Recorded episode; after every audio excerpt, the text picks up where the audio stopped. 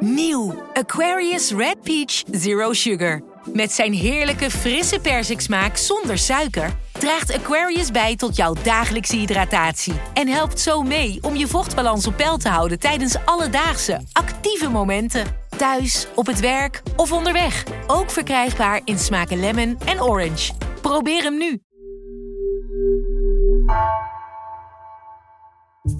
Vanaf de redactie van NRC het verhaal van vandaag. Mijn naam is Egbert Kalsen.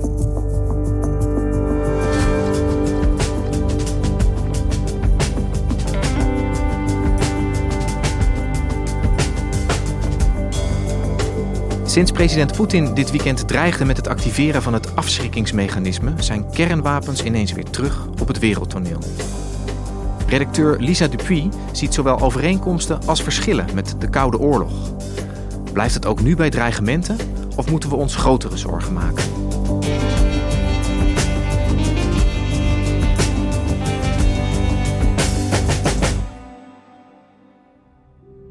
Поэтому э, приказываю министру обороны и начальнику генерального штаба перевести силы сдерживания российской армии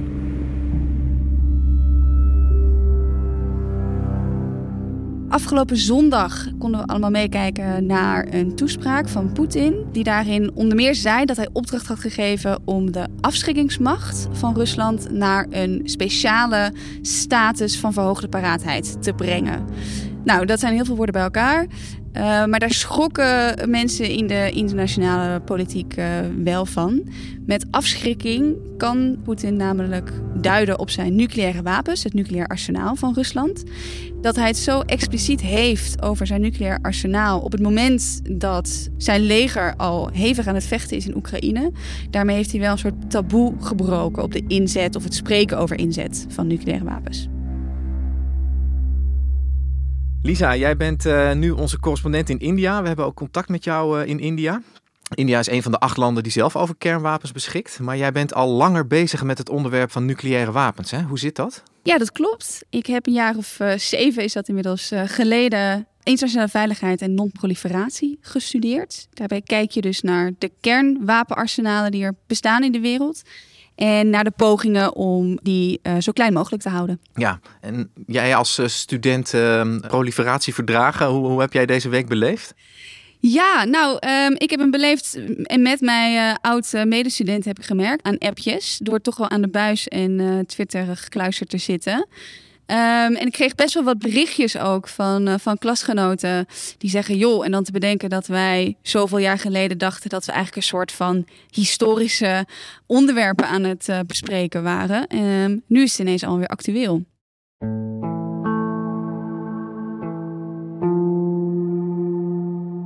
De eerste en de enige keer dat de kernwapens gebruikt zijn uh, tot nu toe in de geschiedenis is aan het eind van de Tweede Wereldoorlog geweest. Hè, door Amerika en Japan op de steden Hiroshima en uh, Nagasaki. Nou, de verwoesting destijds die hebben we denk ik allemaal in onze geschiedenislessen wel voorbij zien komen. Als we het nu over nucleaire wapens hebben, Lisa, wat voor soort wapens moeten we dan aan denken? Is dat vergelijkbaar met destijds?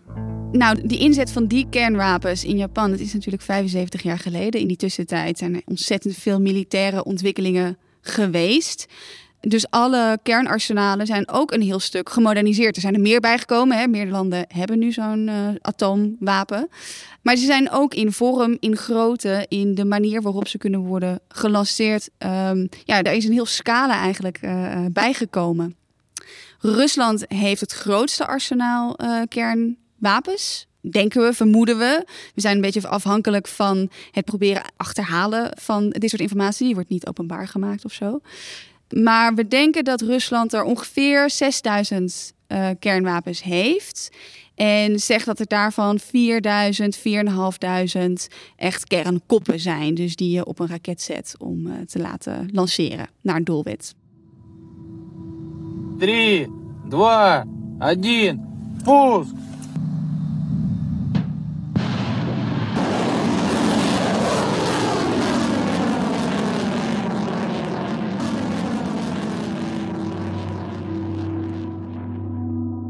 Die wapens die hebben zich dus ontwikkeld de afgelopen 75 jaar, vertelde jij. Zijn ze dan ook veel effectiever en misschien wel dodelijker geworden eh, sinds die tijd? Nou, dodelijker is voor een kernwapen wel erg lastig. Het zijn toch massavernietigingswapens. Ze zijn eigenlijk het zwaarste geschut dat er überhaupt bestaat. Maar ze hebben wel bijvoorbeeld een nog grotere, explosievere kracht gekregen. Dus Rusland beschikt en ook de VS inmiddels beschikken over bommen die misschien wel 2000 keer de explosieve kracht hebben als de bommen die in Japan zijn neergekomen. En je moet ook bedenken dat bijvoorbeeld als een leveringssysteem uh, is gemoderniseerd, dan kunnen die bommen ook of die raketten veel verder komen.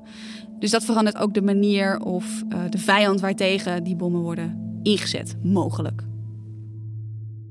En kun je iets zeggen over de verdeling van die wapens? Rusland heeft er dus 6000 uh, wapens, 4000 koppen. Hoe is het eh, bij de NAVO-landen en bij de andere landen verdeeld? Ik denk dat je voor de VS kunt zeggen dat ze grofweg een beetje dezelfde verdeling wel hebben als Rusland. Dat zijn natuurlijk ook twee landen die elkaar erg in de gaten hebben gehouden tijdens die Koude Oorlog. Dus elke ontwikkeling van het ene kernwapenland zorgt ook weer voor een vergelijkbaar, of in ieder geval een vergelijkbare ambitie bij een ander land. In Europa zijn er landen, dat zijn Frankrijk en het Verenigd Koninkrijk, die echt kernmachten zijn. Dus die, die hebben zelf hun eigen arsenaal ontwikkeld, hun eigen wapens gebouwd. En binnen de NAVO zijn er dan weer een aantal landen die Amerikaanse kernwapens eigenlijk in bewaring hebben. Nederland is er daar één van. Uh, we weten niet precies hoeveel kernkoppen er in Nederland gestationeerd zijn, maar er zijn er een aantal die heeft Amerika aan ons afgestaan om eigenlijk de gedeelde uh, verantwoording te hebben over de eventuele inzet. Lisa, je hebt duidelijk gemaakt dat we het echt over de allerzwaarste categorie wapens hebben eh, waar de mensheid over beschikt op dit moment. En tegelijkertijd heeft zowel Poetin als de NAVO die wapens in zijn bezit. En zijn er eigenlijk internationaal afspraken gemaakt over, over het al dan niet inzetten van die nucleaire wapens? Ik moet wel eens denken aan gifgas. Hè? Dat, dat, dat is ook een, eh, een wapen. En daarvan hebben we met z'n allen gezegd dat willen we niet inzetten. Dat, dat vinden wij over de grens. Zijn die afspraken er ook nucleair? Niet op dezelfde manier, niet in dezelfde structuur van een verdrag dat iedereen heeft ondertekend. Wel hebben meerdere landen voor zich, vaak doen ze dat unilateraal, dus echt voor zich, al afgekondigd dat zij niet het eerste land zullen zijn dat overgaat op inzet van uh, kernwapens. Dus dan zeggen die landen, nou, het zal aan mij niet liggen, ik ben niet de eerste uh, die daartoe op overgaat. We weten van Rusland dat hij sinds 2020 in ieder geval in de doctrine heeft opgenomen dat het zich het recht voorbehoudt de nucleaire wapens eigenlijk alleen te gebruiken als ze wordt aangevallen. Dus zij zeggen inderdaad van hè, we zijn niet de eerste die gelijk met die kernwapens komen. Dus Poetin die zegt ook pas als wij aangevallen worden, dan zal ik die kernwapens mogelijk uh, gebruiken als tegenreactie. Hoe bedreigd voelt hij zich op dit moment? Poetin zegt Oekraïne te zijn ingevallen omdat daar van daaruit een dreiging was, natuurlijk. Dat is uh, de aanleiding die hij zegt te hanteren. Toen hij de inval aankondigde, afgelopen donderdag, toen zei hij daarbij dat Oekraïne van plan zou zijn geweest, of plannen zou hebben om een kernwapen zelf te ontwikkelen. Uh, dus of hij het nou gelooft of niet, hij schermt in ieder geval heel erg met die dreigingsbeelden. Wat wil Poetin bereiken met die dreigementen, denk jij? Ja, dat is echt een hele goede vraag. Wat je doet met je kernwapenarsenaal is dreigen. Daarom noemde Poetin ook zijn afschrikkingsmacht. Uh, afschrikking is de reden om een kernarsenaal te hebben. Om te kijken naar die dreiging die Poetin uh, wil laten uitgaan, moet je even kijken naar het verloop van de afgelopen dagen. Hè. Hij is Oekraïne dus binnengevallen. Um, hij heeft flinke sancties gekregen van Europa daarvoor. En dat is het moment dat hij eigenlijk um, met dreigende taal komt. En hij laat die dreigende taal ook nog uit, terwijl op de grond met conventionele uh, wapens hard wordt gevochten nog. Dus je zou je ook kunnen indenken um, dat hij dus inderdaad zegt: hey, herinner je mijn kernwapenarsenaal? Uh, doe een stap terug, bemoei je je er niet mee. En onderwijl heeft hij zo meer ruimte eigenlijk en tijd om in Oekraïne die verschrikkelijke conventionele uh, krijgsmacht in te zetten. Hij hoopt eigenlijk met een herinnering aan die krijgsmacht uh, te voorkomen dat er nog hardere sancties en misschien zelfs wel militaire steun komt voor Oekraïne. Ja, dat zou heel goed uh, zijn inschatting kunnen zijn. Kijk, het is heel lastig. We praten hier dus over escalaties. Er zijn allerlei theorieën over. Um, meestal stellen we ons dat voor als een ladder. Dus je gaat telkens een stapje erger, een stapje omhoog. De speciale status van paraatheid waar Poetin het over had. Wij weten niet zo goed waar dat stapje zich bevindt op zijn escalatieladder. Dat heeft ermee te maken dat we de Russische doctrine als het gaat over escalatie niet kennen. Maar we hebben afgelopen dagen natuurlijk wel in de gaten gehouden van wat is er nou eigenlijk veranderd. Uh, in wat we weten over die kernwapens. Misschien dat dat iets, ons iets vertelt. We hebben fysiek geen verandering waargenomen. Dus op de plekken waarvan we weten dat er bijvoorbeeld kernkoppen liggen, daar lijkt geen extra activiteit te zijn, geen mannetjes in de weer. Uh, we zien geen enorme wapensystemen op gang komen of zo. Dat zou betekenen dat de paraatheid waar Poetin het over had, eerder gaat over de bevelstructuur, de, bijvoorbeeld het afgeven van een waarschuwingsbevel. Dat klinkt een beetje technisch, maar een lanceringssysteem van een kernraket um, heeft natuurlijk het bevel nodig van we gaan lanceren. Het ontvangstsysteem daarvan is eigenlijk standaard uitgeschakeld. Het zou kunnen zijn dat nu dat luikje open is. Dus als je bedenkt dat eigenlijk alleen het luikje om een bepaald bericht te ontvangen open is, uh, dan zie je dat er misschien nog heel veel stappen op die escalatieladder te gaan zijn uh, voordat er überhaupt daarvan weer gebruik wordt gemaakt. Dus van een nucleaire oorlog, of überhaupt de inzet van kernwapens, daarvan zijn we echt nog ver, ver verwijderd.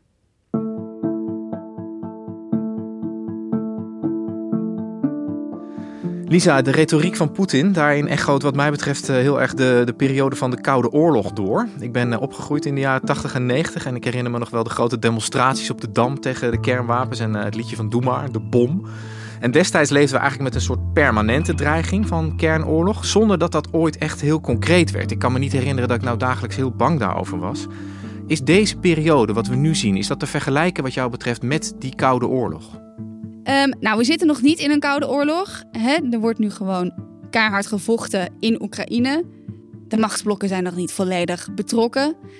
Maar het idee van uh, dreigen, die dreigingsbeelden, uh, dat is natuurlijk wel iets wat daar toen aan de orde van de dag was. En dat lijkt nu wel een beetje terug te komen.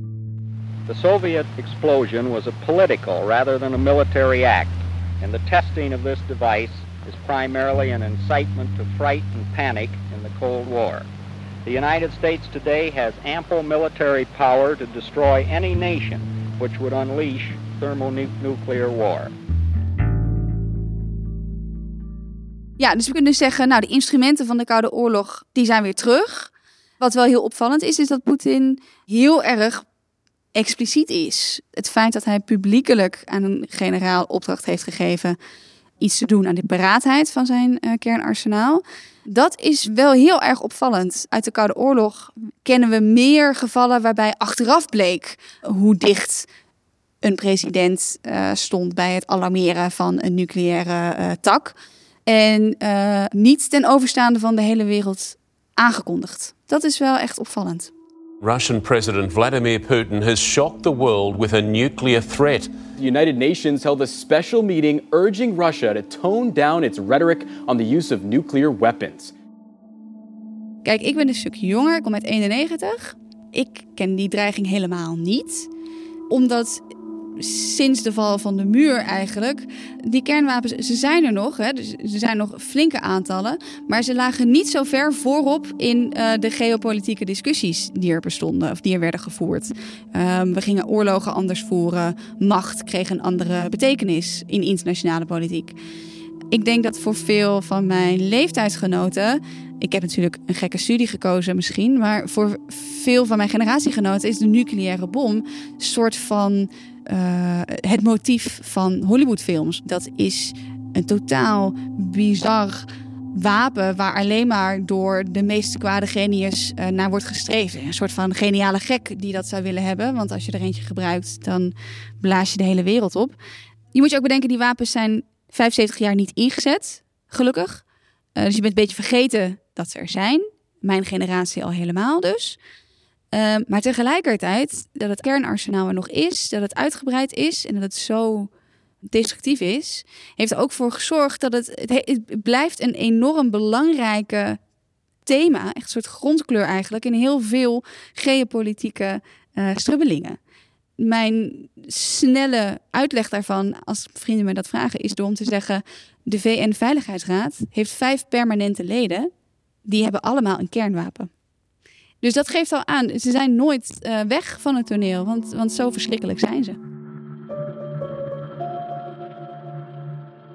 Ja, ze waren er en nu zijn we dus ook weer terug inderdaad bij dat er weer mee gedreigd wordt. Uh, jij zei het net al in een bijzin. Uh, als je ze inzet, dan weet je eigenlijk dat het het einde van alles zo'n beetje is. Hè? Dus ik kan vragen wat heeft Poetin te verliezen, maar wat hebben we met z'n allen te verliezen op het moment dat er zo'n oorlog losbarst?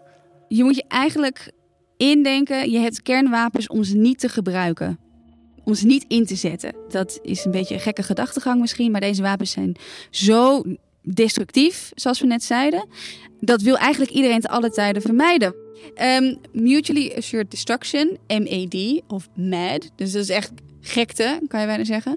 Dat uh, staat voor het idee dat kernwapenmachten uh, zoveel uh, kernwapens in huis hebben dat ze ervan zeker kunnen zijn dat ze elkaar volledig zullen verwoesten. En dat betekent dus dat eigenlijk eenmaal de kernwapendrempel over, zeg maar, dan krijg je dat van je vijand zo hard terug dat je er zelf ook uh, aan kapot gaat.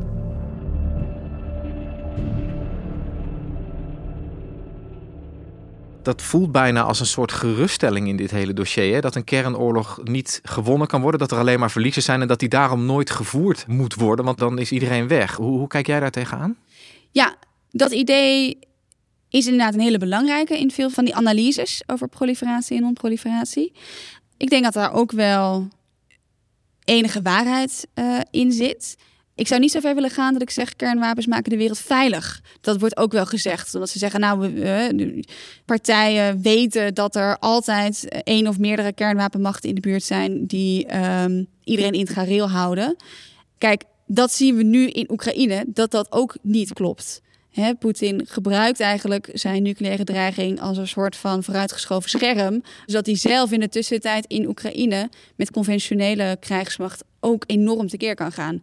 Ze zijn geen vredesbrengers, zou ik zeggen. En, en als, de, als Poetin dit soort dingen dan zegt, hè, gaat er dan ook aan de kant van de NAVO of uh, vanuit Nederland of vanuit Europa automatisch ook een stapje hoger op die escalatieladder? Hoe gaan die, die andere kernmachten om met zo'n dreigement? Als je als analist kernwapenstrategieën bekijkt, uh, als dat je baan is, dan denk je in, in scenario's die eigenlijk te verschrikkelijk voor woorden zijn. Eén voorbeeld daarvan zou inderdaad zijn dat um, in dit geval de VS of de NAVO zeggen: Nou, wij moeten een stapje bijzetten om aan deze dreiging te voldoen. Want anders laten we over ons heen lopen op het kernwapenvlak. Wat daar gevaarlijk aan is, is um, dat je dan dus alleen maar meer kernwapens zou krijgen die mogelijk op scherp staan. Nou, in dit geval, dat moeten we echt uh, benadrukken, bijt niemand. Dus de VS hebben zelfs heel erg nadrukkelijk gezegd: ben je mal, wij gaan niet mee in deze nucleaire retoriek. Dat vinden we onverantwoord, dat vinden we echt heel gevaarlijk. Uh, we gaan er gewoon niet op in. Dus dat is denk ik wel een, uh, een geruststelling. We are assessing President Putin's directive at this time. As I think you have uh, heard us say, we see no reason uh, to change our own uh, alert levels. Lisa, jij dacht uh, dat je geschiedenis had gestudeerd met uh, proliferatie en non-proliferatie, maar je blijkt gewoon actualiteit gestudeerd te hebben. Ja, en dat had ik zeven jaar geleden ook niet gedacht. Dat discussies eigenlijk op deze manier weer zo zouden terugkomen. Dezelfde complexe afwegingen gemaakt moeten worden. Weer opnieuw ook voor het Europese uh, strijdtheater. En het gaat eigenlijk weer over dezelfde machtsblokken als waarmee deze doctrines uh, voor het eerst zijn opgetuigd. Dus ja, ik vind het geen prettige constatering, maar het is wel zo. Dankjewel voor je uitleg, Lisa. Ja, dank.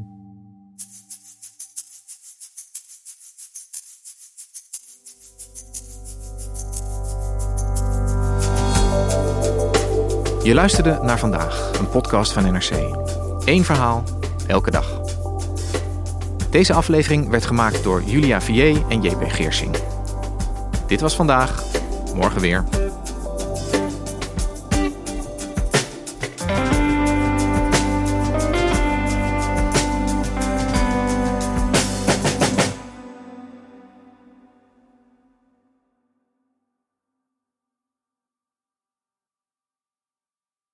Een maatschappij waarin iedereen meedoet. Een gezonde, groene en rechtvaardige wereld. Daar willen jij en heel veel andere mensen best iets aan bijdragen.